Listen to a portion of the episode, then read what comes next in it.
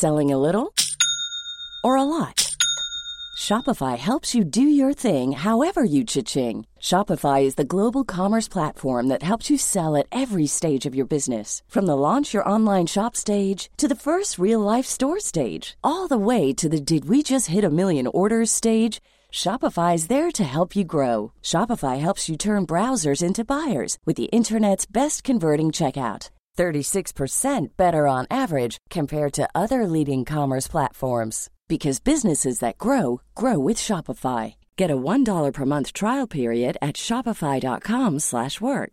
shopify.com/work.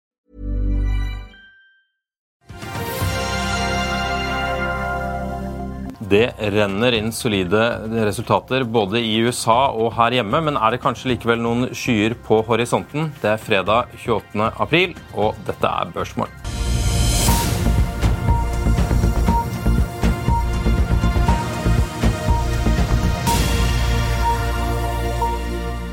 Velkommen til Børsmorgen her hos Finansavisen. Jeg er Marius Mørk Larsen. Aksjekommentator Karl Johan Molnes er også i studio, og det ligger an til å bli en spennende børsdag før langhelgen. Vi får også besøk av Kjetil Haug i Folketrygdfondet. Men først noen kjappe oppdateringer. Oljeprisen har hatt en nedtur de siste dagene, før det har gått litt opp det siste døgnet. Men 0,6% er ikke nok til å dytte oljen over 80 dollar fat igjen. Og et eh, fat brentolje handles på morgenkvisten i dag til 78,71 dollar. Nesten like mye opp er for øvrig førhandelen på IG, som stiger med 0,5% i åttetiden. Nordnetts aksjeekspert Roger Berntsen mener det skal bli enda bedre, og venter at Oslo Børs vil åpne opp 0,7% Han mener Wall Street gikk nesten av hengslene på gode giganttall i går. For det ble også et tech-rally i går på Wall Street som snudde de siste dagenes sure utvikling. Amerikanske BNP-tall overrasket og kom inn svakere enn ventet, og Wall Street tolket dette til en tidligere rentetopp. Sammen med resultatene til Facebook-selskapet Mega steg derfor de ledende indeksene i går. Eh, Dow Jones var opp 1,58% mens SNP løftet seg 1,96% Meta ga kanskje mest dytt til Nasdaq, som var opp 2,43 i går. Og God stemning i USA det smitter ofte over på Asia, og de fleste toneangivende børsene steg fredag. I Tokyo steg Nikkei en drøy prosent, mens Topic-indeksen er opp 0,8% i åttetiden norsk tid. Bank of Japan holder for øvrig innskuddsrenten og det langsiktige rentemålet uendret. Det har vært noe spenning knyttet til hva sentralbanken der ville lande på før det varslede sentralbankmøtet torsdag denne uken. Og i Hongkong stiger Hang Seng med 0,9% mens Shanghai Composite er opp 0,7 Sydney-børsen var samtidig opp 0,15% mens sørkoreanske Kospi er opp 0,1 Resultatrushet fortsetter, og denne fredagen er intet inntak. Gjensidige forsikring leverer vekst i første kvartal. Konsernet tjente 1,5 milliarder før skatt, som er 500 millioner kroner bedre enn samme kvartal i fjor. Ifølge selskapet ble kvartalet preget av vær i årets første tre måneder, som hadde mye nedbør. Den underliggende frekvensskadeprosenten gikk opp med 3,1 prosentpoeng, i hovedsak drevet av vanskelige værforhold i Norge, som påvirker motorvognskader. Kostnadsandelen var imidlertid uendret, og eh, forsikringsresultatet økte med 23,3% takket være økte forsikringsinntekter, et lavere storskadeinnslag, en positiv diskonteringseffekt og høyere avviklingsgevinster, melder selskapet. Det ble også bedre enn ventet for Skipsted. Medieselskapet hadde et positivt annonsemarked mot slutten av mars, og det bidro til å balansere ut tapet fra medievirksomheten i første kvartal. Dermed ble det break even for avisene. Selskapet fikk dermed et resultat før skatt på 2,2 milliarder kroner, som er opp fra minus 13,3 milliarder i samme kvartal i fjor. I det kvartalet fikk vel å merke Skipsted et enormt kursfall i Adevinta, som bidro til de ganske voldsomt negative tallene. Og så var det Hydro, som fikk en justert EBITDA på 7 525 millioner kroner. Det var 200 millioner bedre enn ventet. Selskapet hadde driftsinntekter på 48,5 milliarder kroner i kvartalet, som er opp knappe 2 milliarder fra samme kvartal i fjor. Resultatet ble likevel merkbart mye dårligere i år, da selskapet fikk et resultat før skatt på 2 milliarder mot 8,4 eh, milliarder i samme kvartal i fjor. Litt verre ble det også for en annen industrikjempe. Yara fikk en EBDA på 487 millioner kroner mot ventet 858 millioner kroner. Selskapet viser til, selv til lavere leveranser og marginer som grunn til det svake resultatet. Og Tomra leverer også svakere enn ventet. Driftsinntektene var opp over 700 millioner fra samme kvartal i fjor, men resultatet før skatt endte på 170 millioner kroner, ned fra 194 millioner i samme tid i fjor. Ellers så har de tyske importprisene falt 1,1 eh, på månedsbasis i mars. På årsbasis var importprisene falt 3,8% ifølge statistikk fra tyske myndigheter. På forhånd var det ventet en nedgang på månedsbasis på 0,9% ifølge Trading Economics. Ellers kan Financial Times melde at den norske oljefondsjefen Nicolai Tangen ber om statlig regulering av kunstig intelligens. Slik regulering vil sette klare etiske retningslinjer for hvordan selskapene som oljefondet investerer i, bruker kunstig intelligens. Nicolai Tangen sier til Financial Times at han mener reguleringen av KI er mangelfull i dag. Vi mener at myndigheter og regjeringer må regulere KI. Vi ser ikke at regulering er på trappene ennå, sier Tangen. Karl Johan. Det er litt av en resultatdag. Ja, Vi må ta de viktigste. Eh, Yara leverer så klart dårligere resultat enn forventa at den aksjen skal ned. Eh, det er klart eh, det er mye støy i alle tallene, eh, men, for Yara så ser det ut som det er en klar miss. og Yara skal ned. Men på den positive sida, Kitron skal opp. Det er vesentlig løft i guidance. De løfter eh, sales guidance fra en range på 630 til 730 millioner til 700 til 800 millioner euro, og EBIT opp ifra 45 til 55 millioner til 60 til 75 millioner. Er altså 35 løft i EBIT-range. Så Kitron vil fortsette opp, men man skal være forsiktig. ikke sant? Dette er en aksje som nå handles til PE20, så det kan godt hende dette her er det siste løftet. Men den skal gå bra på dette her, altså. Det... Hva, hva, er det de mener skal gå så mye bedre nå? Nei, det vet jeg ikke. Men du vet, de, de, de leverer jo til Kongsberg Gruppen, og de leverer til helse, de leverer til forsvar, de leverer til elbilladere. De, de har en rekke eh, små produkter som de leverer. Det er sånn electronic manufacturing eh, supply, liksom, at de støtter opp under produkter til suksessfulle produkter som er, det er stor etterspørsel etter. Det er ganske store avvik på Yara-tallene. Det er ventet rundt 850, de kommer inn på rundt 450. Eh, Hva, hvordan overlever man en sånn dag etter det? Jo, det, det overlever man fint. Det er jo, eh, det er jo men, men, det er klart, her er det mange bevegelige deler. og eh, Gjødsel er jo eh, nitrogen, da, det er jo avhengig av naturgasspriser. og eh, Man vet jo ikke hva de, de har gjort her, men, det er såpass stort avvik eh, at, det, at dette her og I fjor også var det 1,3 milliarder. så Det er liksom det er vesentlig under fjoråret. da, og, så, og, så, Det betyr at kursen skal ned på dette. Mm. Veldig bra. Vi er straks tilbake med Folketrygdfondet, bare rett etter dette. Vil du bli oppdatert på det viktigste som har skjedd innen finans og næringsliv? Da er det bare å følge med, for hver morgen er jeg, Marius Lorentzen og aksjekommentator Karl Johan Malnes på plass i studio for å ta tempen på dagens marked i Børsmorgen. Og hver ettermiddag oppsummerer vi alt du trenger å vite i økonominyhetene, og det blir selvfølgelig masse interessante gjester. Klikk deg inn på fa.no-tv, eller søk opp Børsmorgen og Økonominyhetene der du hører på podkast. I'll see you in court. Vi sier det ofte litt på spøk, men for deg som driver business, er det aldri moro å innse at du ikke har laget en 100% gyldig kontrakt. Du bør ikke risikere hele firmaet ditt fordi du synes dette med kontrakter er litt stress. En avtale er ikke en avtale. Du kan miste kunder, miste venner, ja, til og med miste inntekter om du ikke lager en skikkelig kontrakt, på alt mulig, egentlig. Men vi vet det er et styr. Kopimaskiner, tregprinter og haugevis av papir. Dessuten stoler vi jo på folk her i landet. Det er ofte litt kleint å skulle be om en signatur for alt mulig, ja, for mye av styret handler også om jakten på underskriften. Det finnes en enkel måte å løse dette på, Dukkobit, en trygg, effektiv og get this, gratis måte å sikre seg en god natts søvn pluss en juridisk bindende avtale. Dukkobit-appen har de strengeste sikkerhetskrav i bunn, samt en EU-godkjent og sertifisert teknologi. Framover vil det bli behagelig å spørre du, skal vi skrive under på det, eller? Kom i gang på dokobit.no.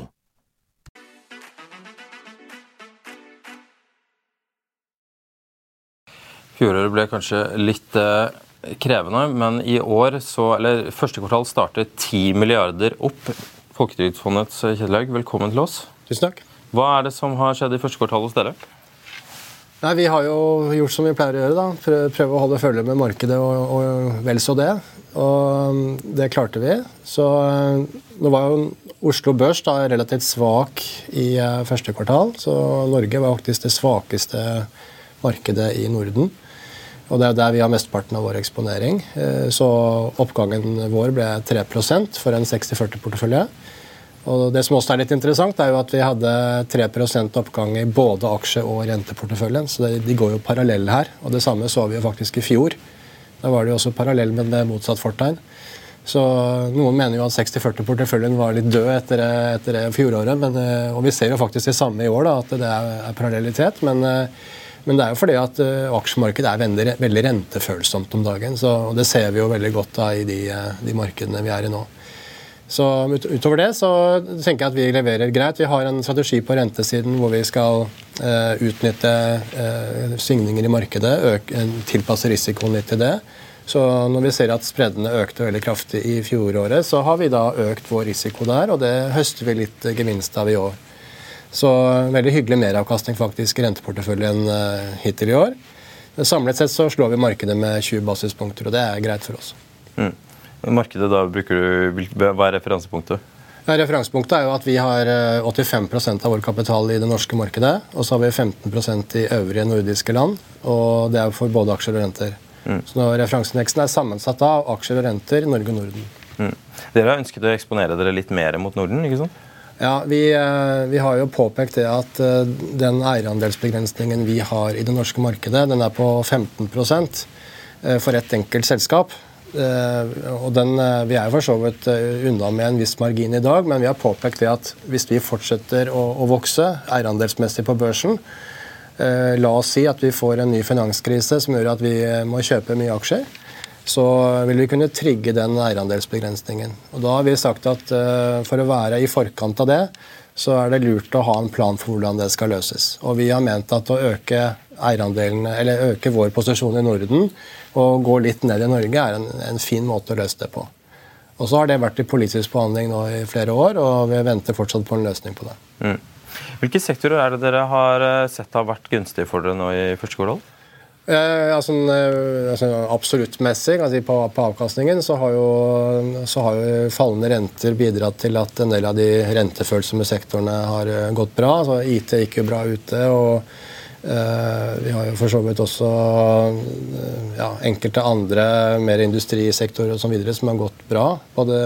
På det. Og så har vi på minussiden så har vi oljeprisen, som ja, Snittprisen på olje var vel litt lavere i kvartalet, og gassprisen falt ganske mye, så det påvirket jo den sektoren negativt. og Eh, og så har vi banker og eiendom som også sliter med, med et fallende rentescenario. Så Eh, men på relativen så har vi eh, typisk da hatt en god utdeling på eksponering i si, mindre, eh, mindre, eksponeringer. Da, i, i typisk helsesektoren, eiendomssektoren, Eh, mens vi kanskje bommet litt mer på forbruksvaresektoren, hvor vi har typisk ligger litt undervekt. og Da fikk vi det litt mot oss nå i kvartalet. Men det er liksom plusser og minuser egentlig ganske langt ned i porteføljen. Det er ikke de store avvikene på toppen som kjører vår meravkastning. Det er liksom bredden i, i, i avvikene da, som ligger nedover i porteføljen. Hvor mange ansatte har dere i forvaltningen nå? I forvaltningen så er vi ja, 17 stykker cirka, på, på front office. Og Hvor mange er det som driver med aksjeforvaltning og obligasjonsforvaltning? obligasjonsforvaltning? er Ca. 50-50. Ja, så Hvordan er det organisert? Er det sektoransvar, eller er det, eller er det en annen måte dere har delt opp på? Ja, vi har delt ut På aksjesiden så er det sånn at uh, forvalterne har et sektoransvar. Så Hver enkelt forvalter er, er sjef for sitt område. Og så diskuterer teamet seg fram til hvordan porteføljen skal se ut. Eh, men det er den enkelte forvalteren som har ansvaret for å bringe inn eh, da, alle casene til felles eh, vurdering. Riktig. Men Blir de da målt på liksom, er det sånn tracking error og målt mot sine indekser, eller er, det, eller er det du som har ansvaret for alt? Nei, jeg har ikke ansvaret for alt. Det, er, det, hadde ikke gått bra. Men det, det, er den enkelte som også blir målt på relative avvik og performance. Det er det. Ja. Ja, så vi har et vi har et element av variabel lønn, og det er delt opp slik at du får en del knytta til hva du presterer som individ, og så er det noe som går på teamet, altså aksjeavdelingen f.eks., eller renteavdelingen. Og så er det noe som går på hele fondet samlet. Så man skal være insentivert til å bidra til fellesskapet. Det er jo en veldig vanskelig jobb, eh, for Equinor er jo en sånn viktig aksje. Så det å slå indeksen eh, Hvordan er det dere forholder dere til Equinor-aksjen eh, når dere skal slå indeksen? For må, Da må man spørre om oljepris og gasspris, og det er jo ikke lett. Nei, men det er ikke nødvendigvis slik at eh, det at Equinor er stor i det er der vi har det største avviket. Det, det trenger jo ikke være sånn. Så det, er ikke noe problem i og for seg å måle, måle relativt. Men klart for forvalter som sitter med Equinor, så blir det en veldig veldig stor uh, sak å håndtere. og Det må vi kanskje se litt særskilt på innimellom, men i prinsippet er det ikke noe i veien for. Ja. Men obligasjonsforvaltningen, hvordan styrer dere den? da? Nå har jo det også blitt en spennende sektor. Hvordan er det dere angriper det? Ja, Veldig spennende sektor. og Vi har delt opp litt uh, etter, uh, etter si, risikonivå. Så vi har altså investment grade, de minst risikable forvaltes av, av et team. Så har vi også hatt bankobligasjoner som et eget, eh, som et eget team. Ha Yield som et eget team, og så har vi det som er likviditetsstyring og valutastyring, som også er et eget team. Da har vi gjerne tenkt at vi skal ha to stykker på hvert team, slik at de kan eh, kommunisere og samarbeide på det. Så det er litt sånn oppsett enn på aksjesiden. Så det betyr at det handler utenlandske obligasjoner også? da? Ja. ja. Mye i USA, da? Nei, vi, eh, som sagt, altså, vi er i Norge og Norden, ja. så det må være nordiske utstedere. Nordiske, ja, riktig. Ja, men det kan jo være nordiske utstedere som bruker andre lands valuta. Eh, typisk euroobligasjoner eh, kjøper vi. Ja. Mm. Du, Litt tilbake igjen til det du snakka om. Eh, på bakgrunn av at du snakka om at du ønsket å, å, måte øke den nordiske eksponeringen. Men du er også inne på det at, at hvis vi fikk en, en nedgang, så, så, ville dere kunne utløse denne 15 eh, regelen. Hva, hvordan ser dere på faren for en resesjon? Ja, vi, vi, er alltid liksom paranoide, men det er klart eh, sånn som, som det ser ut nå, så, så er, det, er, det, nok riktig å være konstruktiv med tanke på verdensøkonomien og hvordan dette skal gå. Men uh, det er ubalanser, og, og, vi vet jo aldri når, det, når, den type markeder kommer tilbake. Det kan skje, uh, og vi er ydmyke for, for sånne type hendelser, men vi kan ikke spå når og hvordan de kommer. Eh, men, men, at risikoen nå, i det bildet vi har, med, med, med stigende inflasjon, med relativt mye gjeld, med, med verdikjedeproblematikk, med krig i Europa Det er klart det er mange ting å henge et negativt scenario på. Så det må vi være ydmyke for. Ja, fordi I fjor høst så var jo du her, og da sa du at da var det krise på krise på krise på krise. er vi fortsatt der? Ja, altså vi, det, var, det, var, mye kriser i fjor. Eh, og så ser vi at markedet rister litt av seg. og Det, det har vi jo sett eh, også hittil i år. at eh, Vi fikk jo bankuro i USA. og Det har jo påvirket finans negativt, men det er klart markedet som sådan er jo opp. Og det ser ut til å bli tatt veldig konstruktivt. Så, men med god myndighetsrespons og med, med, et sikkerhetsnett rundt som fungerer, så virker det som om, eh, som om det, det tas greit.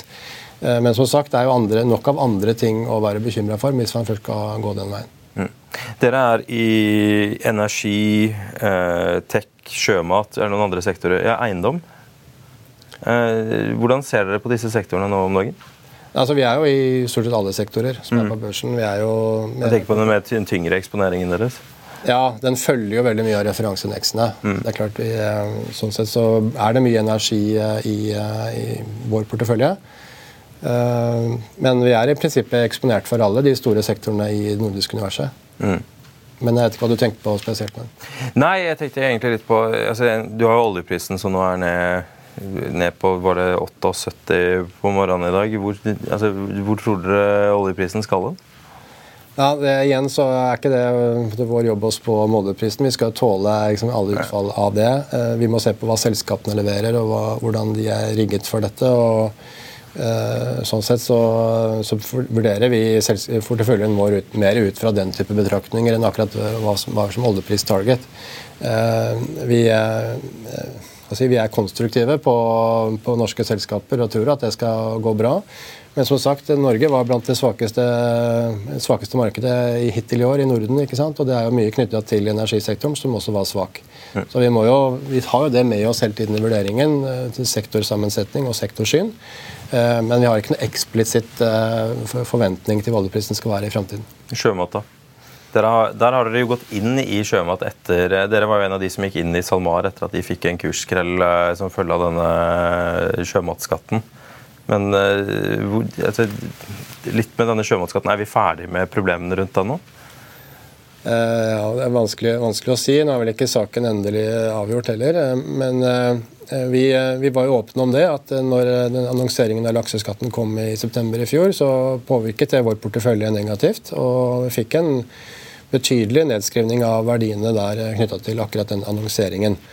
Og så har jo markedet lett litt etter fasitsvaret på det, hva, hva, dette nå faktisk skal være over tid, og hva det betyr. Vi har jo over veldig lang tid vært, vært en viktig eier i norsk sjømat, og, og er vel liker å fleipe litt med det, men vi er vel Norges nest eh, største lakseprodusent sånn veimessig. Eh, og, og er, er, involvert i veldig mange selskaper. og Det har vi vært over lang lang tid, og det kommer helt sikkert til å fortsette å være. Og se på det som en veldig spennende sektor. Nå er det jo ekstremt god lønnsomhet om dagen. Og, og det er vel også litt av bakgrunnen for at eh, aksjene har klart seg veldig bra. Ja, nå er det 10 milliarder i eh, Dere er oppe i første kvartal. Dere endte ned 14 milliarder i fjor, hvis jeg husker riktig? Ja, vel 15 til og med. Ja. Um, hva Nå har vi, vi har lagt første kvartal bak oss, vi er inne i andre kvartal. Hvordan ser det, altså, Første kvartal bærer jo litt på kanskje fjoråret, men hvor, hvor ser dere at ting går enn nå? Det er en så er veldig vanskelig å spå, ikke sant? og vi, vi har ikke noen prognoser om hvor ting skal være. Vi, eh, vår portefølje skal tåle alle mulige scenarioer. Det er sånn vi må tenke rundt det. Eh, vi kjører våre risikovurderinger og, og ser jo at vi i, eh, i et helt eh, si, sannsynlig scenario da, eh, fort kan tape 40 milliarder kroner. Det, det kan skje ganske kjapt. La oss si ett av seks år da, med, med, de, med de svingningene vi har i fondet i dag så, så er det fullt ut mulig. Ehm, så, sier jeg ikke det at det skal skje, men det er vi forberedt på at, at kan skje. Men, men som sagt, det, som er litt interessant med oss, sant, er at vi, vi, vi kjører en 60-40-portefølje med veldig høy troverdighet. Fordi at vi har staten som sponsor, og vi har ingen kunder som forlanger pengene ut. Så vi, vi rebalanserer, vi, eh, når, når, når, det, når, det, skal skje. Og dermed så vil vi kjøpe aksjer i et sånt kraftig markedsfall. Uh, og, Det er det som er liksom spennende med, med, akkurat denne uh, med Folketrygdfondet, fordi at vi da også virker stabiliserende på markedet. Uh, og den, Den effekten tror jeg egentlig ikke ja, mange er helt klar over. det er ikke alle land som har et folketrygdfond. Men vi er faktisk en ganske viktig aktør i den type scenario hvor, hvor, ting går dårlig. Da kan vi gå inn og bruke ganske sterke muskler for å, å supportere markedet. Og forhåpentligvis er det en gunstig strategi på sikt. da. Mm. Så, sånn sett så skal ikke si at vi håper på turbulente markeder, men vi er veldig forberedt på det. Vi er egentlig en veldig fin aktør å ha da, i et sånt turbulent. Ja, for dere så byr, byr et sånt marked på, på, en del muligheter, da, med andre ord? Ja, muligheter. Også, også fordi rett og slett gitt av mandatet. Politikerne ønsker at, at, det skal virke på den måten. Og når vi da har den størrelsen vi har, så virker det helt klart til å dempe ut uh, svingningene på, på, i markedet. En annen ting jeg kan nevne i samme slengen, vi, eh, vi, vi fikk jo Under, under covid-pandemien så fikk vi gjenåpnet dette Statens obligasjonsfond, som var et tiltak for å stabilisere kredittmarkedet. Det fikk vi, jo, eh, fikk vi da gjenåpnet eh, under covid, og det bidro også til å skape stabilitet, særlig innenfor high yield-segmentet på kreditt, og bidra til et mer velfungerende marked og bedre likviditet i markedet. 60-40-modellen fikk jo litt rann, eh, Du sa jo det selv, ble spådd en eh, død i fjor. Eh, men hvordan, jeg forstår jo på deg nå at, dere har absolutt ikke mistet troen på denne 60-40-modellen? Nei, altså Jeg er veldig glad i den. og jeg synes at uh, Særlig når du tenker det i en sånn eh, markedsstabiliseringsperspektiv, så, så, gir det veldig mening. Og ha det, tenkt på det som en beredskap også. da, at Hvis nå skulle gå skikkelig gærent, så, så, har du da faktisk muligheten til å flytte penger fra en portefølje til den andre. Og bidra til stabilisering på den måten. Jo, det har vel aldri vært bedre enn nå når du har eh kan får 5% rente i USA, og PE er 20. Det har aldri vært mer eh, gode grunner for å ha eieobligasjoner på 100 år enn det er nå. Så den, eh, den eh, de, Det er klart BlackRock kan argumentere for at du skal avvikle den, for det er for lett for kundene å lage seg porteføljer med som koster to basispunkt i aksjer og fire basispunkt i obligasjoner. Eh, de vil jo at ikke at kundene skal ha det så lett, de ønsker jo å lage kompliserte produkter eh, der at de kan selge det i noe som er vanskeligere. Fordi at 60-40-porteføljen har aldri vært mer tilpassa og bedre enn akkurat nå. Nei, og det er klart det henger sammen med renten som ja. har steget, og da blir jo dette her mye mer I forhold til prisingen av aksjemarkedet. Ja, helt klart. Ja. Tusen takk for at du kom hit til oss i Børsmorgen. Vi må ta noen kjappe oppdateringer, for som du spådde, Karl Johan, Kitron er jo rett opp 14 eh, mens Yara er ned 5,5 eh, Skipsted, som også da har presentert i dag, er opp 2,73 Autostore eh, fikk jo en god opptur i går. De er jo da ned 8% i dag, så det, i dag skjer det litt. Ja. Vi må snakke litt om Intrum og inkasso, for her har du vært og gravd litt. Ja, nei, det er jo uh, Inkassobransjen er jo fascinerende, fordi at det er jo stort sett de samme eierne og mange av de samme ansatte og samme i, i styrene da, som, som, har vært med i 30 år. Og de har hatt noen helt utrolige avkastninger på porteføljer som går tilbake både eh, tidlig på 90-tallet i Norden, men også eh, kjøp av kredittkortporteføljer fra USA i 2008. Så det er, en bransje der veldig mange har hatt utrolig god avkastning. Da. Men nå kommer vi i en sånn situasjon som vi var også på slutten av forrige syklus, sånn 2007 og 2008, der at det, er, mye vanskeligere å drive inkassoselskap enn man tror. At plutselig så får folk religion, og de kjører ikke så fort på veien, og de betaler regningene sine i tide. og kommer en ny leder som sier at det er veldig vanskelig å drive dette her, og så oppdager man det at rentene går opp, og ligger kortsiktig finansiert liksom med tre års løpetid med 60 milliard kroner i finansiering. Da. Og hvis, hvis vi får en sånn industriell økonomi der rentene bare går opp og opp og opp eh, til 7% fordi vi trenger ressursene til å produsere kompressorer fra Atlas Copco til Ukraina, og Kitron skal ha penger, og du får en industriell økonomi, så er Intrum problemer. Men jeg tror det at eh, det som vil skje her, er at du får en nedgangskonjunktur, og da stuper rentene. Da er Intrum ute av problemene. Men, men eh, hele sektoren eh, lider av at det er ett problem som er, som det er umulig å løse, da, det er jo at eh, hva er virkelig verdi på disse gjeldsporteføljene man kjøper. Og man kan, man kan, si at det riktig verdi er det som framkommer i løpet av en auksjon. Det er jo ikke nødvendigvis riktig, for det, det reflekterer jo bare at det er veldig mange andre som er interessert i å by på disse porteføljene. Og sånn som jeg ser det, så både banker og, og bilselskaper og mobiltelefonselskaper har fått veldig billig gjeldsinnkreving ved at det har vært dårlig avkastning i disse selskapene. Iallfall minst ti år. Og jeg skriver jo det at de har gått i luksusfellene, men eh, nå tar jo de grep da, for å, kutte kostnader. Eh, og, hvis det ikke blir nedgangskonjunktur så renten stuper, så, ja, så er Intrum i, i, i, luksusfellen. Men jeg tror det kommer til å skje. da. Mm. Ja, nå kom det jo nyheter om at nå hentes det jo biler over en lav sko i Norge. Eh, det har ikke vært tvangsholdt så mye biler på lenge. Ja. Men det virker som at bransjen er, altså, Hvorfor ikke organisere dette her som, eh, som, at du bare henter inn, og så får du betalt for det du henter? Det er jo sannsynligvis at eh, da blir det for syklisk, og man får liksom ikke nok å gjøre. Da. Så Det er jo en grunn til at man kjøper disse porteføljene.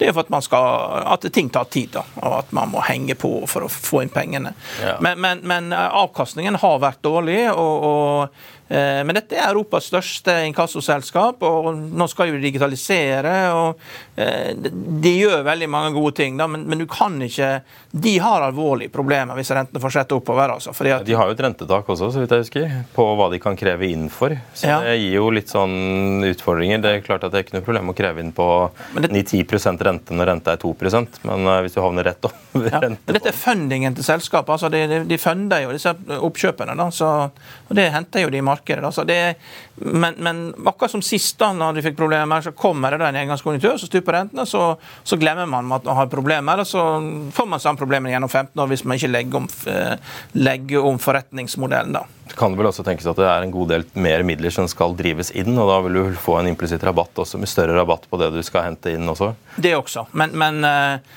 det er eh, renten svir for alle. Mm definitivt. Ja. Du, eh, vi har jo også snakket litt eh, bil og batteri i det siste. Ja. Der har du også vært og gravd litt. Da ja. I litium. Ja, i litium så er jo det I Chile da, så har jo en grådig stat der også. da, og eh, de har jo nå eh, sagt til de to store amerikanske litiumprodusentene, Albemale og SQM, at eh, de kontraktene de har, eh, de gjelder. Men når de går ut, så blir de ikke fornya. Så den chilenske staten kommer til å ta over. Chile er jo veldig stor i kobberproduksjon, verdens største kobberprodusent. Selskapet til Codelco. Så de kommer til å lage et selskap. Og I tillegg da så så har de en plan om å få en større andel av verdiskapningen. Og de har invitert da Build Your Dream, BYD, til å komme inn og lage et testsenter for å lage mer eh, altså karbonatprodukter, altså mer litiumprodukter, slik at du kan lage litt mer, ja, litt mer avanserte produkter enn bare sende litiumen ut av landet. Mm. Så, og dette, dette, fører jo til at de som kommer sterk, sterkere ut av dette, er jo de største bilprodusentene, og de som sitter på ressursene. Og de som blir skvisa, det er de som er imellom. Da. Det er jo Eh, litiumprodusentene. Og dette har jo konsekvenser for eh, eh, Australia. Australia og Chile er de viktigste landene, og, og Albemarle prøver jo nå å kjøpe seg inn i Australia. og har ikke fått akseptert budene. Kineserne trekker seg ut av Australia for de ser at det er nok av litium. Og så har det en rekke konsekvenser. da. Mm. Og så er jo også selvsagt, da, som alltid når det er vekst, så er Argentina dratt inn da, som et mulig vekstmarked. Det, du vet, Argentina det er fremtidens marked, og det vil det alltid være. så... ja, du, Apropos det, vi, du var jo inne på det Build Your Dreams. Eh, de ja. har jo levert eh, ganske sterke tall uh, nå. Jeg så det, men jeg, jeg fikk, det er så mange tall. Jeg så bare det var helt uh, fantastisk. da. Ja. Men jeg sendte det bare videre til desken, og de kom til å lage en artikkel på det. har vært altfor mange ting. Det har vært alt for mange ting. Ja, De er, er jo ganske opp. Det, det, skal bli spennende å se om det holder. fordi akkurat nå så har vi jo Nå er jo bilfrakt De som analyserer bilfrakt, argumenterer for at Eh, nå kommer leveringen, og nå kommer osv. av eh, etterspørselen osv.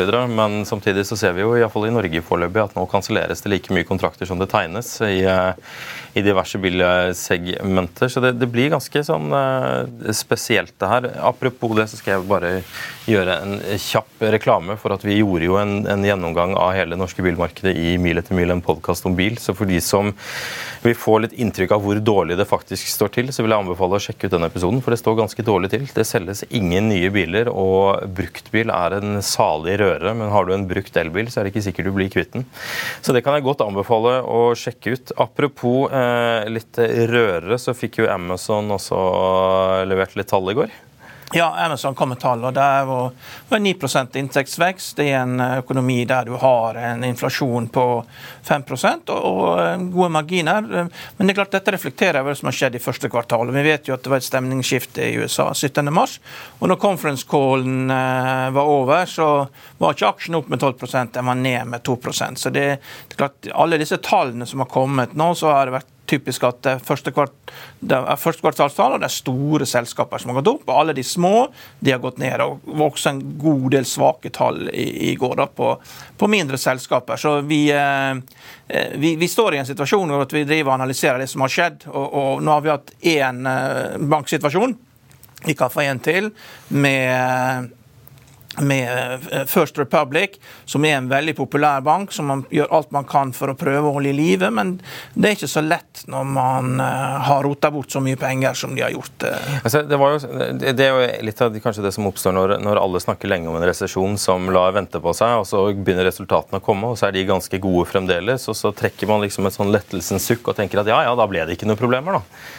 Men det kan kanskje være litt sånn, en litt falsk trygghet? Ja, Stemningen er god helt til du får eh, Jeg husker jeg var i, i Tyskland på seminar med en skiller. Helgen før Limen eh, i konkurs så var så eh, Köln mot Bayern München før jeg satte meg på flyet. Det er først når the shit hits the fan at det, det, stemningen endrer seg. Men da skjer det fort. og Det hørte rykter om at bilsalget i Bergen stupte to timer etter det ble annonsert at Limen hadde problemer. Så det, det har umiddelbart umiddelbar effekt. og vi skal ha for at du skal få den nedgangskonjunkturen som kveler inflasjonen, så må det være en kredittevent som uh, sjokkerer oss. Og jeg, jeg, vet ikke hva det er, men du kan ikke fortsette å øke renten sånn som du gjør nå, uh, uten å skape stor skade et eller annet sted, for det er for mange ubalanser der ute. Og Øker du langt nok opp, så er det et sånt selskap som Intrum som får problemer. Det er 60 milliarder gjeld. Det er like mye gjeld som SAS. Mm. Og Det er helt meningsløst å ha så store porteføljer på noe som tjener så lite penger. Ja, det er bare å huske på at uh, Før uh, i det finanskrisen begynte, så var en av de mest ettertraktede bilene i verden en Range Rover Sport Supercharged. Ja. Og når alt kollapset på Island, så gikk det ganske fort at noen tok med seg en sånn uh, skrape ut. Skrapte ja. av Range Rover-bokstavene bak, byttet om på de, og så sto det 'Game Over'.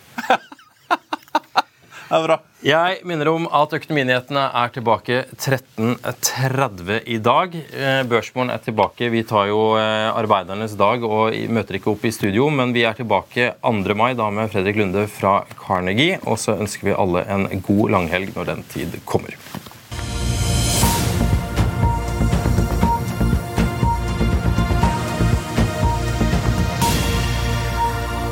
Økonominyhetene er en podkast fra Finansavisen. Programledere er Marius Lorentzen, Stein Ove Haugen og Benedikte Storm Bamvik. Produsenter er Lars Brenden Skram og Bashar Johar. Og ansvarlig redaktør er Trygve Hegnar.